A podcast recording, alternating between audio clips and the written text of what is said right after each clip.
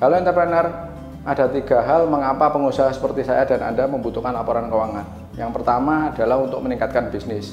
Apakah Anda ingin meningkatkan penjualan, menekan cost, atau mungkin mau scale up?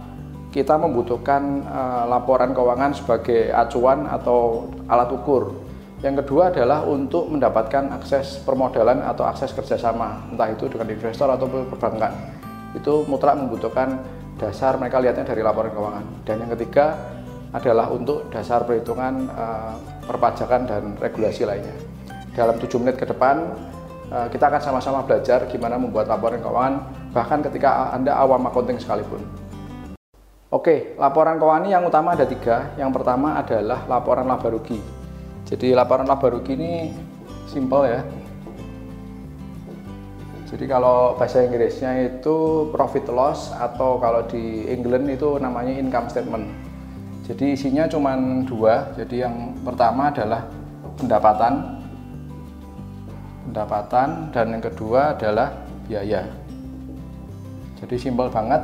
Ini uang masuk, eh, pendapatan dan ini biaya. Selisihnya ini kalau plus ini laba, kalau minus rugi gitu ya. Nah, untuk pembelajaran kita ambil studi kasus adalah usahanya bengkel gitu ya. Bengkel ini punya kalau Anda usahanya bengkel, Anda kan punya pendapatan adalah pendapatan jasa servis gitu ya. Jadi selama sebulan, jadi misalkan jasa servis ini Anda dapat pendapatan misalkan e, eh, 5 juta gitu misalkan ya. 5 juta. Kemudian selain itu Anda juga jualan spare part dan oli gitu ya. Jadi untuk penjualan spare part spare part ini misalkan anda punya income punya penjualan 10 juta. Nah ini ada dua ya. Jadi kalau ini namanya pendapatan kalau ini namanya penjualan.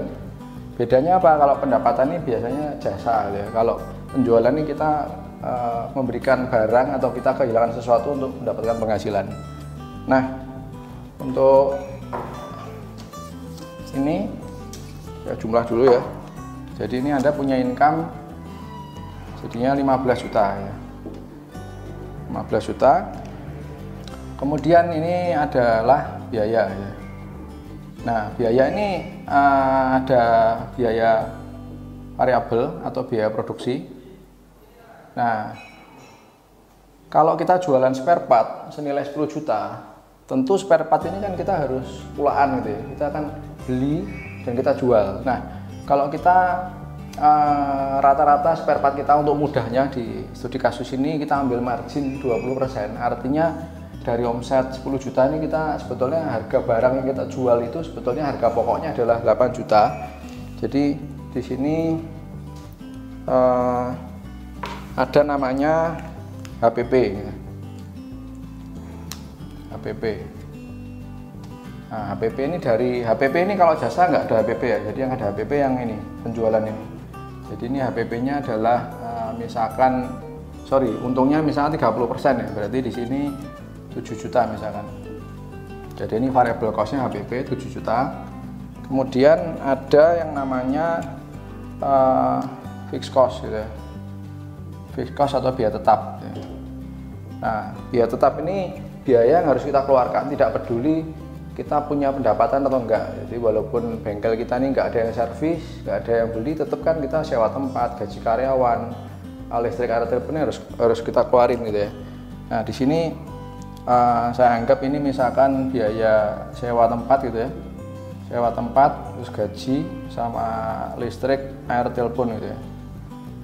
Nah ini sewa tempat misalkan uh, satu juta misalkan satu juta kemudian gajinya let's say satu juta juga. Kemudian listrik uh, air misalkan 500 ini ya.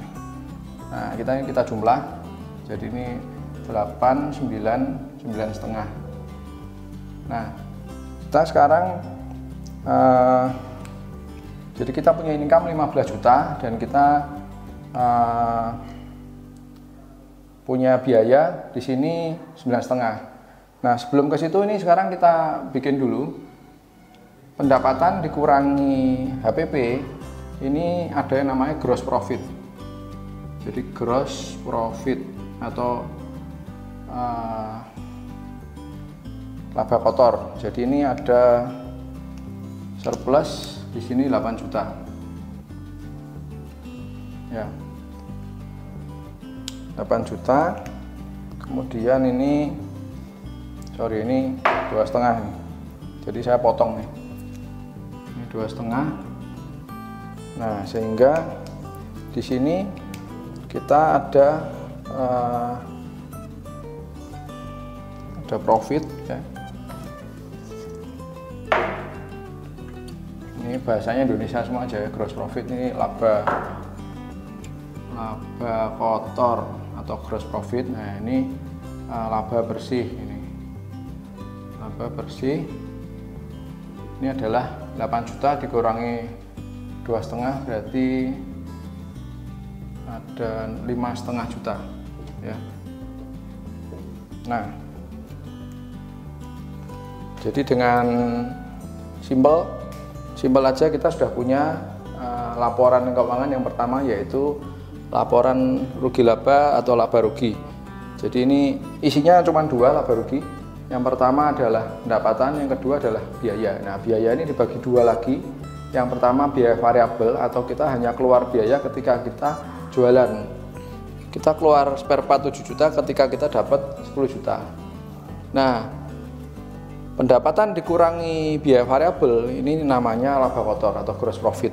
Nah, kemudian biaya tetap atau biaya operasional ini contohnya ada sewa, gaji karyawan, listrik. Ini misalkan ini dua setengah.